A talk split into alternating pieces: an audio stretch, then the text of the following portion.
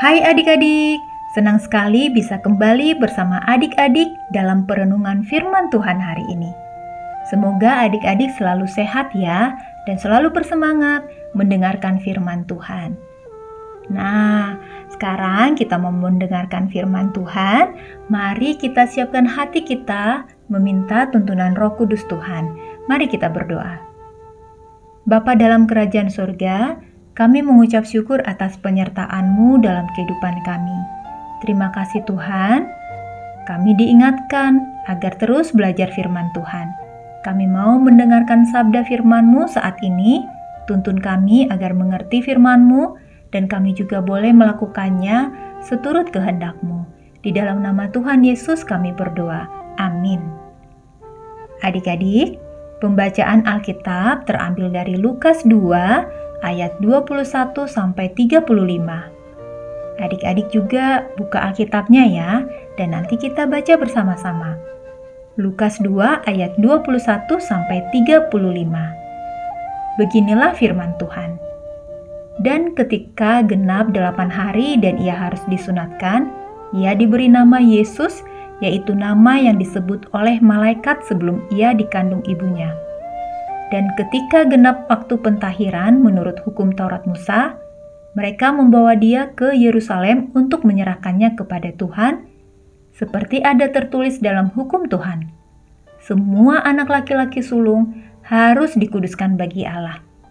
Dan untuk mempersembahkan korban menurut apa yang difirmankan dalam hukum Tuhan, yaitu sepasang burung tekukur atau dua ekor anak burung merpati adalah di Yerusalem seorang bernama Simeon.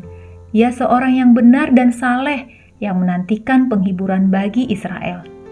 Roh Kudus ada di atasnya, dan kepadanya telah dinyatakan oleh Roh Kudus bahwa ia tidak akan mati sebelum ia melihat Mesias, yaitu Dia yang diurapi Tuhan.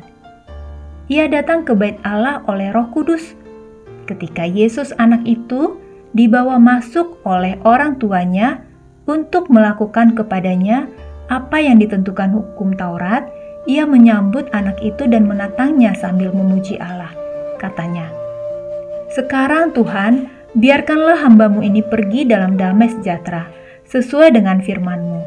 Sebab mataku telah melihat keselamatan yang daripadamu, yang telah engkau sediakan di hadapan segala bangsa, yaitu terang yang menjadi pernyataan bagi bangsa-bangsa lain dan menjadi kemuliaan bagi umatmu Israel. Dan bapa serta ibunya amat heran akan segala apa yang dikatakan tentang dia. Lalu Simeon memberkati mereka dan berkata kepada Maria ibu anak itu, Sesungguhnya anak ini ditentukan untuk menjatuhkan atau membangkitkan banyak orang di Israel dan untuk menjadi suatu tanda yang menimbulkan perbantahan.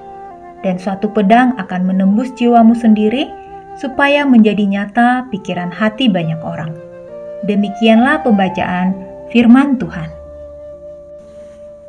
Adik-adik, judul renungan kita bahagia mendapat penggenapan janji. Ketika berlibur ke rumah kakek, Bintang memperhatikan seekor domba yang bulunya putih sekali. Ia sangat menyukai domba itu karena ia tidak sama dengan domba-domba lain yang umumnya kotor dan agak liar sehingga sulit untuk didekati. Rupanya domba itu adalah milik Nur Putri Pak Rituan penggembala domba kakek. Domba itu adalah satu-satunya milik Nur, karena itu ia dirawat secara khusus, sama seperti binatang piaraan dalam rumah. Domba itu memang jenis yang berbeda dengan kebanyakan domba milik kakek. Bintang sangat ingin punya domba seperti itu. Pak Ridwan menjanjikan kepada Bintang kalau nanti domba itu beranak, salah satu anaknya boleh dimiliki oleh Bintang.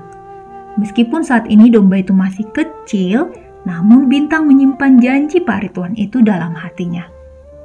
Suatu hari, kakek dan nenek beserta orang-orang peternakan datang berkunjung ke rumah Bintang. Bintang sangat senang menyambut kedatangan mereka.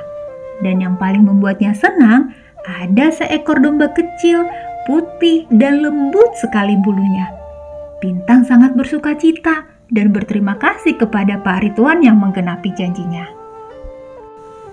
Adik-adik, Bapak Simeon dalam pembacaan Alkitab tadi juga akhirnya berjumpa dengan Tuhan Yesus. Kepada Bapak Simeon sudah dikatakan Roh Kudus bahwa Simeon tidak akan meninggal sebelum melihat Tuhan Yesus. Betapa bahagianya Bapak Simeon karena janji Allah digenapi atasnya. Nah, adik-adik juga pasti bersuka cita dan berbahagia kan atas penggenapan janji-janji Tuhan. Yuk kita katakan adik-adik, Aku percaya Tuhan menggenapi janjinya dan aku bersuka cita atas janjinya. Sekali lagi ya adik-adik, pelan-pelan kita katakan, aku percaya Tuhan menggenapi janjinya dan aku bersuka cita atas janjinya. Nah, renungan kita selesai adik-adik, mari kita tutup dengan doa. Bapa di surga, terima kasih karena Tuhan begitu setia dan menggenapi juga janji Tuhan kepada kami. Ampuni kami jika kami meragukan Engkau ya Tuhan. Di dalam nama Tuhan Yesus kami berdoa. Amin. Renungan hari ini selesai ya adik-adik. Jangan lupa untuk selalu percaya akan penggenapan janji Tuhan. Tuhan Yesus memberkati. Bye-bye.